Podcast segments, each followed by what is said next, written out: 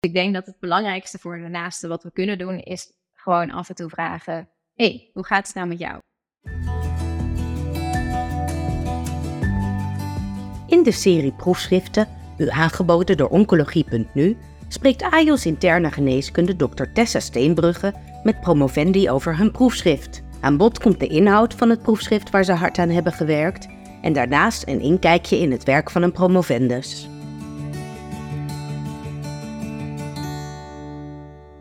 Vandaag spreek ik Laurien Ham. Zij heeft bewegingswetenschappen gestudeerd aan de Vrije Universiteit van Amsterdam. Daarna is ze begonnen bij het Integraal Kankercentrum Nederland, waar ze zich heeft gefocust op palliatieve zorg. Laurien zal op 25 maart haar proefschrift getiteld What About Us? Experiences of Relatives During End-of-Life Cancer Care and Bereavement verdedigen aan de Universiteit van Tilburg bij professor Van de Pol en professor Van Zuilen. Momenteel werkt ze als adviseur bij de Stichting Palliatieve Zorg Nederland, wat ze combineert met postdoc-onderzoek bij het Zuiderland Ziekenhuis. En Aurini woont of verhuist binnenkort naar Driebergen. In haar vrije tijd is ze graag aan het voetballen, kickboksen of tennissen. Hele mooie combinatie met het reizen naar het Zuiderland ziekenhuis. Toch een beetje beweging nog. Ja. nou, Norien, welkom. Dankjewel. We beginnen deze podcast met een algemene vraag. En dat is welk boek of welke serie jij aanbeveelt aan collega's in de zorg?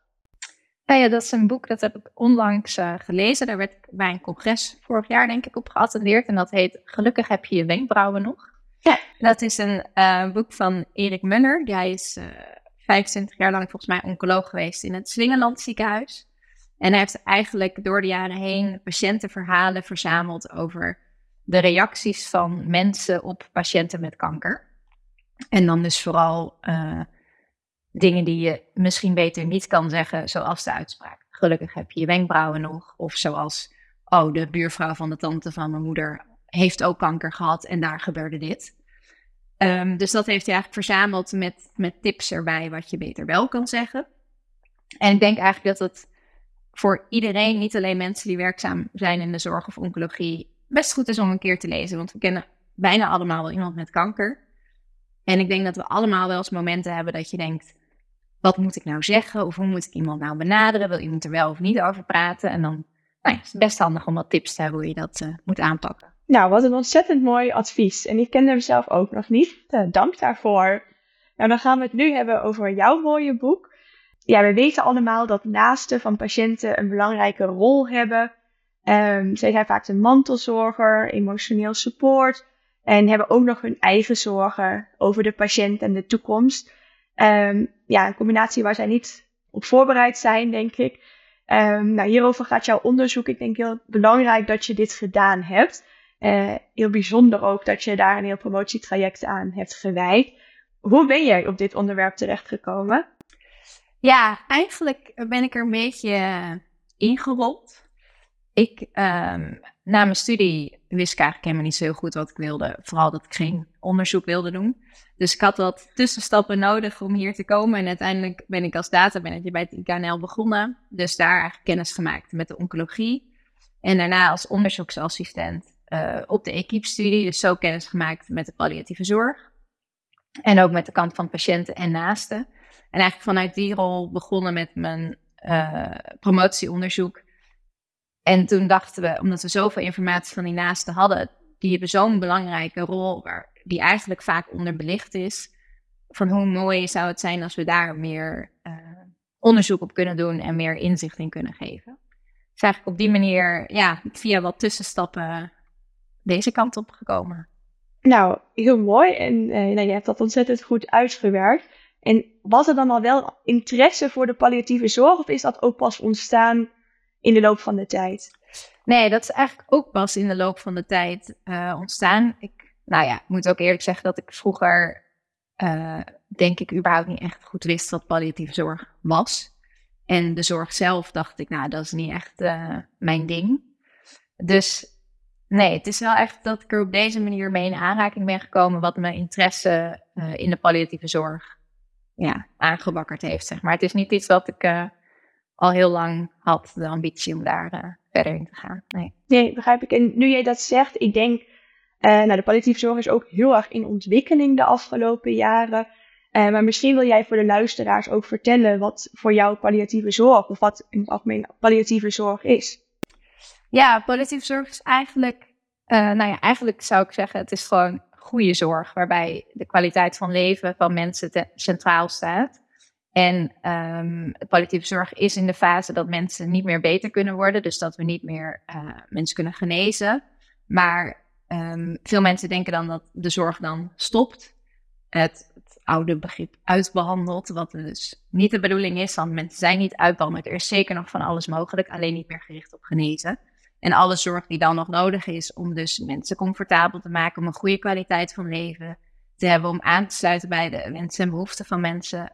De, ja, wensen en behoeften van mensen, dat is uh, voor mij palliatieve zorg. Ja, nou mooi samengevat. En uh, je noemt al de hele mooie campagne die op dit moment uh, rondgaat. ongeneeslijk, maar niet uitbehandeld. Hè? Dat is een hele goede samenvatting. In het eerste deel van jouw proefschrift focus je dan op zorg die in het, de palliatieve fase niet meer passend is, of eigenlijk in de fase het einde van het leven. Uh, en daar heb je onder andere uh, naar gekeken door middel van een systematisch review. Aan wat voor vormen van zorg moeten we dan denken? Wat is niet passend? Uh, ja, de vormen van zorg waar wij naar gekeken hebben, en die ook in de literatuur vaak beschreven worden als niet passend of mogelijk niet passend, dat is bijvoorbeeld chemotherapie nog in de laatste levensfase of starten van een nieuwe chemolijn, um, ziekenhuisopnames, opname op de SCH, opname op de intensive care in de laatste maand voor overlijden. Um, als mensen te laat naar een hospice verwezen worden, dus korter dan drie dagen voordat ze overlijden. Of helemaal niet naar een hospice verwezen worden, terwijl dat wel wenselijk zou zijn. En uh, wij hebben ook gekeken naar het uh, gebruik van ongewenste medicatie, dus waarvan eigenlijk de bijwerkingen zodanig veel groter zijn dan het gunstige effect wat de medicatie heeft, of misschien niet meer heeft, omdat dat effect pas over zo'n lange tijd is. Ja, dat de patiënt daar eigenlijk niks meer aan heeft. Ja, en dan heb je het denk ik over medicijnen die je vooral ter preventie geeft. Kan je wat voorbeelden noemen? Uh, nou, bijvoorbeeld uh, cholesterolverlagers. Ja, dat is niet per se meer noodzakelijk in de laatste maand voor overlijden dat, dat daar nog iets aan gedaan wordt. Maar soms hebben die wel uh, bijwerkingen of sommige medicijnen hebben hele strikte manier waarop het moet worden ingenomen, staand op nuchtere maag. Ja, dat is niet wenselijk dat, ja, dat mensen zich daar nog uh, druk om moeten maken eigenlijk. Nee, nou heel terecht dat je dit zegt. En dat klinkt ook heel logisch, maar hoe vaak komt dit dan toch voor? Ja, die cijfers, uh, als je in de literatuur kijkt, verschilt het nog wel van uh, hoe vaak niet passende zorg nog voorkomt. Van 9% tot studies die zeggen 75%. Um, ehm, een aantal jaren terug heeft een collega van IKNL, eh, Manon Baudard, gekeken in de Nederlandse um, kankerpatiëntenpopulatie. En die vond dat een derde van de patiënten nog um, niet, passende niet passende zorg krijgt. Sorry. En wij hebben zelf gekeken naar um, ongewenste medicatie bij longkankerpatiënten in de laatste maand voor overlijden. En daar vonden we dat 45% van de patiënten dat nog krijgt. Dus, in de laatste maand? In de laatste maand. Dus ja, dat zijn nog wel uh, ja, aanzienlijke aantallen, denk ik. Ja, dat denk ik ook. Dus het is goed dat daar uh, aandacht voor komt. En uh, vanuit jouw onderzoek, op welke manieren beïnvloedt de niet passende zorg de kwaliteit van leven? Um, ja, dat is vooral denk ik omdat het voor onrust zorgt. Als mensen nog weer naar het ziekenhuis gaan, opnames op de SCH of op de intensive care. Um, ja, dat kan voor veel onrust zorgen, terwijl je eigenlijk wil dat die mensen gewoon comfortabel zijn. Um, veel mensen hebben de, de wens om thuis te sterven, maar ja, dat kan niet altijd als je nog opgenomen bent in het ziekenhuis. Uh, zoals ik net al zei, de bijwerkingen van medicatie of uh, van chemotherapie, wat nou ja, soms echt wel heftige bijwerkingen kunnen zijn wat uh, absoluut ten koste gaat aan de kwaliteit van leven. En het is denk ik ook wel belangrijk om te noemen dat, nou ja, dit zijn dingen die wij schaden als mogelijk niet passende zorg, maar het is meer op algemeen niveau, zeg maar, is dit onwenselijk. Maar voor sommige mensen kan dit wel de wenselijke situatie zijn. Dus het is niet dat het in ieder geval, bij iedere patiënt, zeg maar, dat we het moeten vermijden. Voor sommige mensen zou het wel uh, goed kunnen zijn. Dus dat is denk ik nog wel een belangrijke toevoeging. Ja, altijd goed om een nuance aan te brengen. en um, je hebt het dan over de laatste maand voordat iemand overlijdt, maar dat is ja, toch in de praktijk, van in jouw studie wist je dat natuurlijk, maar in de praktijk niet altijd even duidelijk wanneer dat zal zijn. Wat is jouw advies voor zorgverleners? Wanneer ja, moet je eraan gaan denken om medicatie te stoppen of om andere palliatieve zorg in te zetten? Ja, goede vraag. Het is inderdaad uh, op papier makkelijk om de laatste maand uh, te zien als, je, ja, als de patiënten overleden zijn. Voor een arts is dat natuurlijk uh, geen vast eikpunt.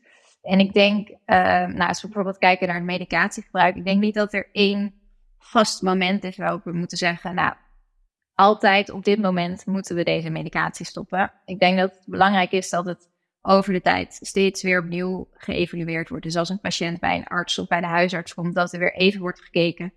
Nou, wat voor medicatie krijgt iemand? Is het nog wenselijk dat die, uh, die medicatie krijgt? Zijn niet de bijwerkingen te groot? Dus dat we op die manier steeds evalueren en het dan, nou ja, kunnen stoppen met de medicatie die uh, uh, ongewenst zou zijn op dat moment. En denk je dat patiënten dit vooral graag willen of kunnen zij dit ook als confronterend ervaren? Dat er dan medicatie gestopt wordt. Heb je daar naar gekeken of heb je daar de data van? Um, ja, we hebben niet per se zelf gekeken naar de redenen, maar wel andere onderzoeken erbij gehad die daar wel naar gekeken hebben. En dat is inderdaad um, ook vanuit het oogpunt van de arts vaak een punt waarop waarom medicijnen dan niet gestopt worden, omdat het voelt een beetje als de hoop wegnemen bij de patiënt. Van ah, het is niet meer nodig. Ja, dat kan natuurlijk heel hard aankomen. Um, dus ik denk dat het ja, dat communicatie hier heel belangrijk is. Dat je, hoe je het brengt aan de patiënt, dat, we, dat je het stopt om de kwaliteit van leven te verhogen, om de bijwerkingen weg te nemen, dat dat ja, beter en logischer voelt voor een patiënt dan dat je zegt, ja, u heeft hier niks meer aan, want tegen de tijd dat het werkt, ja, bent u waarschijnlijk overleden. Dat uh, zal denk ik niet heel goed aankomen. Nou, goed advies. Uh, we gaan het nu hebben over het tweede deel van jouw proefschrift. En dat is de kwaliteit van leven en de behoeften die spelen bij naasten van iemand met kanker. En dat is onderzoek uh, op basis van de EQUIP-studie. Um, over de EQUIP-studie hebben we eerder een podcast opgenomen met Natasja Rijmakers. Uh, maar we gaan het nu over een ander deel van de studie hebben. Kan jij nog een keer uitleggen hoe de studie eruit zag? Ja, de Equipe-studie is een uh, vragenlijstenstudie waarbij we patiënten en naasten iedere drie maanden een vragenlijst hebben gestuurd. En dan patiënten uh, met gevorderde kanker en die mochten zelf uh, een naaste vragen om mee te doen. Um, en die kregen dus iedere drie maanden een vragenlijst over hun ervaren kwaliteit van zorg en kwaliteit van leven. Tot aan het overlijden van de patiënt of dat een patiënt of naaste zelf besloot dat hij niet meer mee wilde doen. En dan hebben we ook drie tot zes maanden na het overlijden van de patiënt nog een, een nabestaande vragenlijst gestuurd. Om ook um, ja, die ervaring eigenlijk op te halen. Dus hoe gaat het dan met de nabestaande? Hoe heeft hij het uh, proces en de tijd rondom het overlijden ervaren? Nou, heel mooi dat jullie uh, zoveel mensen bereid hebben gevonden om hieraan uh, deel te nemen. En de naaste, dat, waren niet, dat was niet altijd de partner. Hè? Wat was de relatie van de naaste tot de patiënt? Nee, klopt. Het was niet altijd de partner, maar wel ja, in de meeste gevallen. Uh, maar het kon ook nou ja, kinderen of andere familieleden zijn, of vrienden, kennissen, buren. Uh, nou ja, wat, wat een patiënt maar, maar wilde, zeg maar. Daarin waren totaal geen restricties. Het was ook niet dat uh, de naaste de mantelzorg hoefde te zijn. Uiteindelijk was dat natuurlijk wel in het merendeel van de gevallen. Want ik denk ja, dat het voor een patiënt ook logischer voelt om zo iemand te vragen. Um, maar dat was niet een vereiste. Dus eigenlijk kon de naaste nou ja, iedereen zijn. Ja, okay, nou mooi dat, uh, dat dat kon en dat jullie ook zoveel verschillende informatie hebben gekregen. En wat vonden jullie tot, met betrekking tot de ervaren kwaliteit van leven van de naaste? Uh, ja, we vonden dat die afnam in het laatste jaar voor overlijden van de patiënt. Dus we hebben eigenlijk het, nou ja, een soort van tijdsperiodes met elkaar vergeleken. En we zagen een duidelijke afname van het moment van 12 jaar 12 maanden, sorry, voor overlijden, tot het moment uh, van overlijden. Um, en we zagen dus ook dat een steeds groter deel van de naaste emotionele problemen ervaarde, wat nou, natuurlijk logisch met elkaar samenhangt. En we hadden een aantal um, factoren, zagen we, die een beetje samenhingen met die afname in kwaliteit van leven. Zo zagen we dat naasten die de partner zijn van de patiënt hadden een sterkere afname in kwaliteit van leven. En ook um, naasten van patiënten met slaapproblemen. Terwijl we juist ook vonden dat naasten die een betere continuïteit van zorg ervaarden, dus um, bijvoorbeeld dat er een vast aanspreekpunt was, dat ze niet de hele tijd opnieuw hoefden uit te leggen wat er aan de hand was, of dat ze van iedere zorgverlener iets anders te horen kregen, die hadden juist een minder sterke afname in de kwaliteit van leven. Ja, en je maakt nu al een klein beetje een bruggetje naar de behoeften die er waren in de zorg. Kan je dat ook toelichten? Welke behoeften er waren bij de naasten? Want dit is dan echt ook gefocust op de naasten, toch? Ja, dat klopt. Ja, en we hebben dan uh, echt specifiek gekeken naar de onvervulde behoeften. Dus naar wel, welke behoeften naasten hadden waar ze nog meer aandacht voor wilden hebben dan ze nu kregen. En uh, dat was eigenlijk vooral gericht op de, het zorgen voor de patiënt. Dus uh, naasten willen graag meer informatie over wat kunnen ze verwachten qua symptomen. Wat moeten ze doen als een patiënt pijn heeft. En um, aan de andere kant ging het ook meer over de psychologische problemen. Dus bijvoorbeeld angst voor een onvoorspelbare toekomst, angst voor de dood van de patiënt. Dus dat waren eigenlijk de twee hoofdgroepen waar we de meeste onvervulde behoeften in zagen. Um, ja, wat dus eigenlijk, nou ja, onze conclusie daaruit was een beetje dat, dat naasten gewoon behoefte hebben om meer kennis en ondersteuning te krijgen over wat ze kunnen verwachten. Dus nou, bijvoorbeeld op basis van de symptomen, hoe ze daarmee om kunnen gaan en wat ze van zorgverleners kunnen verwachten. Dus wanneer kunnen ze die inschakelen? Is iets, nou ja, zeg maar een, klacht, is dat normaal? Kan je dat verwachten of is dat iets geks en moet je dus juist dan wel de zorgverlener bellen? we zagen een beetje dat daar de, de behoeftes van de naasten lagen. Ja, eigenlijk heel veel behoefte aan informatie als ik jou zo hoor. En hebben jullie dan ook gevraagd hoe mensen deze informatie willen krijgen? Willen zij dat graag live van de hoofdbehandelaar of het vaste aanspreekpunt van iemand uh, horen? Of ik ben heel praktisch, kan dat ook uh, op een andere manier uh, aan patiënten en naasten gegeven worden? We hebben dat niet uitgevraagd in de vragenlijst. Dus ik heb er geen echte resultaten van. Maar wat ik zelf zou denken is dat het niet per se altijd live hoeft. Dat ook een, nou ja, een verwijzing naar een website waarnaast iets kunnen vinden. Ik denk dat dat ook al heel veel zou helpen. Ik denk wel dat het belangrijk is. Kijk, iedere patiënt en ieder ziektetraject en iedere naaste is anders. Dus dat het wel goed is voor een arts om wel, of een zorgverlener, om daar wel rekening mee te houden. Dat in ja, ieder scenario is anders. En natuurlijk kan een deel nou ja, gevat worden in een soort van algemeen, wat zien we vaak, en algemene informatie. Maar ik denk wel dat het ook belangrijk is om, nou ja, ook gericht op de individuele patiënt en naaste informatie te geven. Ja, nou, mooi antwoord. En ik denk het andere wat jij zegt, de, de uh, dezelfde zorgverlener, of in ieder geval één vast aanspreekpunt. Dat heb ik al heel veel mensen die onderzoek doen naar kwaliteit van leven horen zeggen. Dus dat, ja, dat staat wel echt uh, als een paal boven water dat we daar binnen de zorg meer aandacht voor moeten hebben. Um, nou, tot slot heb je ook nog gekeken naar de kwaliteit van leven uh, van nabestaanden in de eerste zes maanden na het overlijden van hun dierbaren een hele kwetsbare periode lijkt me, waarin jullie mensen toch hebben gevraagd om informatie te geven. Uh, kan je op basis van dat onderzoek nog aanvullende adviezen geven aan zorgverleners?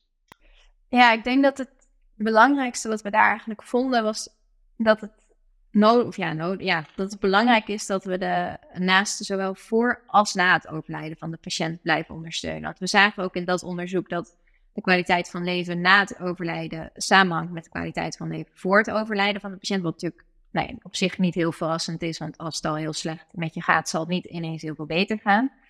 Um, maar ik denk dus dat het belangrijk is nou ja, dat we op die beide tijdsperiodes um, zorgen dat de naaste meer aandacht krijgt. En het is ook na het overlijden van de patiënt, niet iedere naaste hoeft heel veel zorg of hoeft, nou ja, psychologische behandelingen. Maar we moeten juist zorgen dat die naasten die dat wel nodig hebben, dat we die op tijd um, ja, ondersteuning bieden. En niet pas als het eigenlijk uh, te laat is en als ze echt veel emotionele problemen ervaren. Ja, ja duidelijk. En uh, de eerste zes maanden nadat iemand overleden is, dat klinkt als nog best wel een korte periode waarin rouw, denk ik, heel normaal is voor een naaste die net iemand is uh, verloren.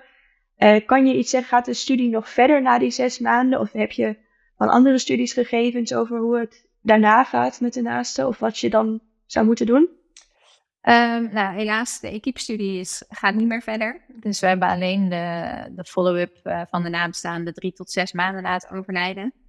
Um, we hadden uiteraard graag langer, langere follow-up gewild. Want het is inderdaad, denk ik, wat je zegt, waar dat. Um, ja, het, het, het gaat veel langer door, natuurlijk, de rouw. En in de eerste fase na overlijden, ja, is bijna iedereen natuurlijk verdrietig. Dat is niet, uh, niet een schokkende ontdekking. Het, is natuurlijk heel interessant om te weten hoe is dat na een jaar of na twee jaar of hoe lang houdt dat aan. Maar die data hebben we dus helaas niet uit de, uit de equipe-studie. Um, dus ja, voor een vervolgonderzoek zou dat uh, heel mooi zijn, denk ik. Ja, oké. Okay. Mooi. En kan je ook iets zeggen, daar ben ik zelf heel benieuwd naar, naar uh, hoe deze ervaringen zijn in andere landen. Hebben we, gaat dit in Nederland goed of uh, kunnen we veel leren van andere landen? nou, als ik naar de literatuur kijk, dan zien we wel een beetje gelijke bevindingen in andere landen qua hoe het met de naasten gaat en wat de behoeften zijn van naasten. Het is wel uh, qua palliatieve zorg, is natuurlijk in Nederland is dat op een bepaalde manier uh, geregeld met de, generalistische palliatieve zorg en de specialistische palliatieve zorg. We hebben een belangrijke rol um, voor de huisarts natuurlijk. En dat is wel anders in andere landen waar soms uh, juist echt meer die specialistische palliatieve zorg is en waar de huisarts een andere rol heeft. Dus op dat gebied is het wel lastig om de resultaten soms te vergelijken, denk ik, met andere landen. ja, meer omdat de zorg anders is ingericht, Precies. bedoel ja. je dan? Ja. Ja. ja. Dus dat kan je denk ik niet, niet altijd één op één uh, met elkaar vergelijken. Nee, en ben jij in jouw onderzoek wat je gedaan hebt, initiatieven of uh, voorbeelden tegengekomen waarvan je denkt, nou, dit moeten we in Nederland ook zo gaan toepassen? Goeie vraag. Nou, ik denk vooral uh, meer aandacht ook voor de nabestaanden. Dat komt nu in Nederland ook al wel meer bijvoorbeeld met het rouwverlof. Wat je in andere landen ook al ziet. Dat, nou ja, dat we dus mensen de tijd geven om uh, te rouwen. In plaats... Kan je het rouwverlof toelichten voor mensen die dat niet uh, kennen? Uh, nee, in Nederland is het dus nog... Ja, de laatste wat ik heb gehoord was dat niet door de... dat het nog geen nieuwe wet werd. Dus dat het niet is aangenomen. Maar het is vooral bedoeld eigenlijk als een soort van verlofdagen die je mag opnemen om te rouwen. En dat, nou ja, we zien in verschillende landen hele uiteenlopende periodes van hoe lang dat kan. Maar wat natuurlijk eigenlijk als, nou ja, het doel denk ik is, is dat mensen zich niet verplicht voelen om gelijk weer aan het werk te gaan, terwijl ze er eigenlijk niet klaar voor zijn. En um, ik denk dat dat een heel mooi initiatief is om nou ja, mensen dus de tijd te geven om te rouwen. En daarmee ook te zorgen dat ze niet later alsnog terugvallen. Omdat ze eigenlijk veel te snel weer, uh, weer zijn doorgegaan. Ja, dat er te veel verwachtingen meteen zijn. Ja, ja. precies. Oké, nou mooi dat je dat noemt. Uh, hoe zie jij de palliatieve zorg graag voor je over vijf jaar? Um, ja, het zou mooi zijn als we dan echt passende zorg kunnen bieden. Dus de juiste zorg voor de juiste patiënt, de juiste plek op het juiste moment. Um, dat zou denk ik heel mooi zijn als we dat over vijf jaar kunnen bereiken. Um, uiteraard natuurlijk gerelateerd aan mijn onderzoek meer aandacht voor de naasten en de nabestaanden. Dat we meer um, zien hoe belangrijk die rol is en daar meer ondersteuning bij bieden. En ik denk ook belangrijk voor de palliatieve zorg op zichzelf. de kennis over palliatieve zorg vergroten. Dat mensen, dat hebben we nu natuurlijk al, bijvoorbeeld met die campagne, te meer inzicht komt in wat is palliatieve zorg nou eigenlijk. En dat dat dus voor een groot deel gaat over kwaliteit van leven en niet zoals, nou ja, bij veel mensen denk ik toch de gedachte is over de dood. Ja, nou heel goed dat je dat noemt. En uh, is er een campagne die jij zelf graag zou willen opzetten vanuit uh, de plek waar je nu ook bent en het onderzoek wat je gedaan hebt? Um, nou, ik denk dan toch een campagne voor de naaste. Um, dat, nou ja, een campagne gericht op dat we gewoon meer aandacht hebben voor de naaste ook vanuit de zorg. Maar ik denk dat er ook een hele belangrijke rol is voor de maatschappij, voor de sociale steun voor een naaste. En dat we, uh, nou ja, ook de dood, zeg maar, meer als onderdeel van het leven zien. Dus dat we daar, denk ik, makkelijker met elkaar over praten. Een uh, campagne daarover. Nou, dat vind ik een hele mooie ambitie. Uh, is er nog een ander advies wat jij wil geven aan zorgverleners? Ik denk vooral... Of de maatschappij. Of de maatschappij. nou, ik denk vooral uh, dat het belangrijk is dat we de naaste zien. En dat is ook omdat de naaste zichzelf snel zal wegcijferen, want het gaat over de patiënt en de patiënt is ziek en daar moeten we uh, iets voor doen. Dus ik denk dat het belangrijkste voor de naaste wat we kunnen doen is gewoon af en toe vragen: hey, hoe gaat het nou met jou? En kan ik iets voor jou doen? Ik denk dat we dan al een belangrijke stap gezet hebben. Ja, nou heel mooi advies en dat lijkt mij ook een haalbaar advies voor heel veel mensen. Uh, ook niet-zorgverleners die uh, naar de podcast luisteren. Um, je bent nu begonnen als uh, postdoc-onderzoeker. Um, blijf je dit doen of gaat het verder in de palliatieve zorg? ja, mijn baan nu als postdoc-onderzoeker in het Zuiderland ziekenhuis is ook um, in palliatieve zorgwereld. Het is niet meer zozeer gericht op de naaste, maar eigenlijk op de patiënt en de naaste. Het gaat over de implementatie van proactieve zorgplanning. Dus dat we op tijd het gesprek aangaan met de patiënt en de naaste wat hun uh, wensen en behoeften zijn uh, in de toekomst als, uh, nou ja, als het allemaal niet zo goed meer gaat. Mooi. Eh, wat vond jij het, we gaan de podcast bijna afsluiten. ik vind het altijd heel leuk om te horen wat jij nou het leukste hebt gevonden tijdens je promotietijd. Um, het leukste? Nou, ik vond zelf gewoon de analyse toen wel ja, leuk eigenlijk. En um, ik denk ook wel, ik heb, ja, dat is misschien niet helemaal mijn promotietijd, maar ik ben dus begonnen als onderzoeksassistent op de equipe-studie, waar ik dus uiteindelijk op gepromoveerd ben. En ik heb daarvoor eigenlijk bijna alle patiënten en naasten die, we, uh, die mee hebben gedaan aan de studie aan de telefoon gehad. Nou, wat bijzonder. Ja, het was, uh, ja, uiteindelijk waren dat best wel heel veel mensen. En waar ik vooral gewoon heel verrast door was, was toen ik begon met bellen, toen dacht ik, ja, dan ga ik dus iemand in de palliatieve fase lastigvallen met een vragenlijst. Iedere drie maanden. Daar zitten mensen toch niet op te wachten. Maar mensen waren allemaal zo enthousiast om mee te doen. Ook al wisten ze dat ze eigenlijk zelf niks meer aan de uitkomsten uh, zouden hebben. Want die zouden natuurlijk niet direct invloed hebben op hun uh, uh, zorgtraject. Maar juist voor de toekomstige palliatieve patiënt waren ze zo bereidwillig om om te helpen. En dat vond ik wel echt heel mooi om te zien. En nou ja, ja wel inspirerend dat, uh, dat mensen dat zo graag willen doen in die fase van hun leven. Ja, heel mooi. Heel leuk dat je dat ook deelt. En heb je nog een advies voor huidige promovendi of mensen die misschien nog gaan beginnen met een promotietraject? Mijn advies zou vooral denk ik zijn, zorg dat je zelf de, de variatie er een beetje inhoudt. Een groot deel van mijn promotietraject was in de covid-tijd, dus ik heb heel veel alleen thuis gezeten en achter mijn computer. En dan merkte ik af en toe echt, ja, als je te lang artikelen leest, dat lukt niet. Dus zorg dat je voor jezelf een beetje variatie erin houdt. En zorg ook dat je.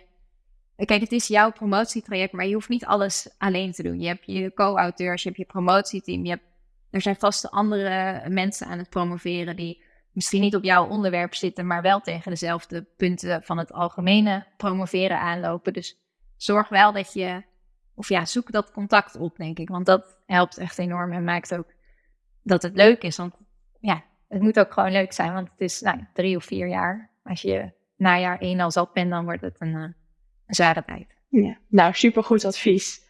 Heel erg bedankt voor het delen van uh, al jouw kennis die je hebt opgedaan in de afgelopen periode en het onderzoek wat je gedaan hebt. Uh, ik hoop ook dat het de palliatieve zorg verder gaat verbeteren. En we wensen jou een hele leuke dag op 25 maart. Dankjewel. Gaat u zelf uw proefschrift binnenkort verdedigen en vindt u het leuk om een podcast op te nemen? Laat het ons weten via info.uitgeverij-jaap.nl